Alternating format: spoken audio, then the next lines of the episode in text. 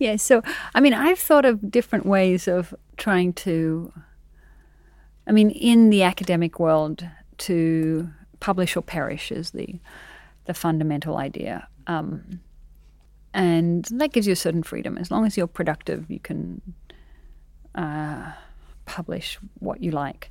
Um, the Media Lab and a lot of the new media things came along with the demo or die idea, and the technology world is much more about demo or die, right? Which is uh, has no there's lots of problems with the demo or die because it's a little bit of flashy, flashy. You know, no one's really checking no footnotes. It's really um, um, it doesn't have a durability, and I, in my own kind of as an academic artist, scientist, engineer, I've been arguing for the exhibit or expire model, right? So the idea that um, the exhibition has more, it's uh, has higher standards of evidence than the demo.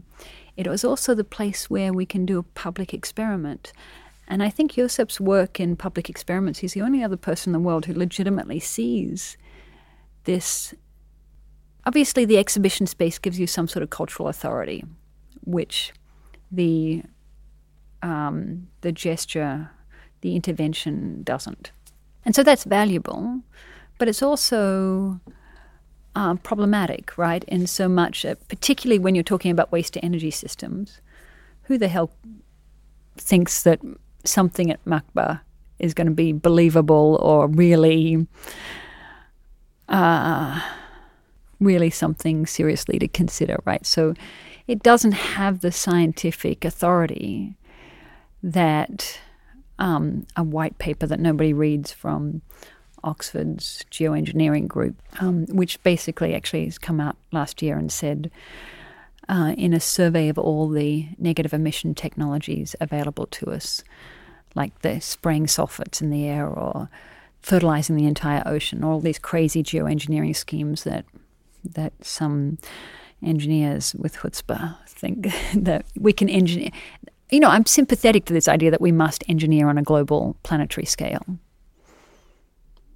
But that's politically infeasible, right?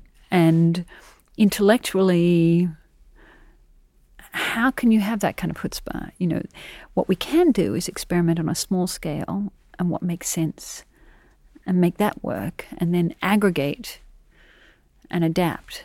And what is great about the context of, uh, um, I mean, as an artist, no one cares that I have several PhDs. No one really cares. You know, I don't get an exhibition on the basis of my academic credentials.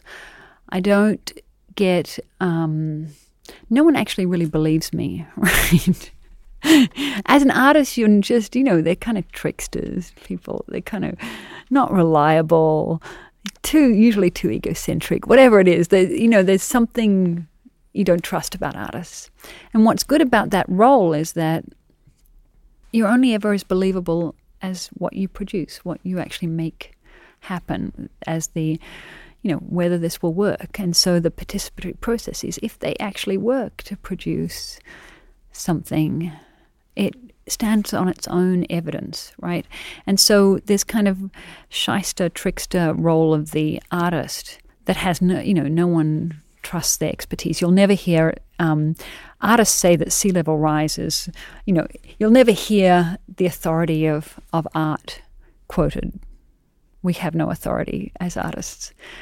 Um, but we have something better, right? We can stand in for the everyman when it comes to these complex technical scientific issues precisely because we don't have that kind of expertise and that authority is that well if an artist can do it then I can right?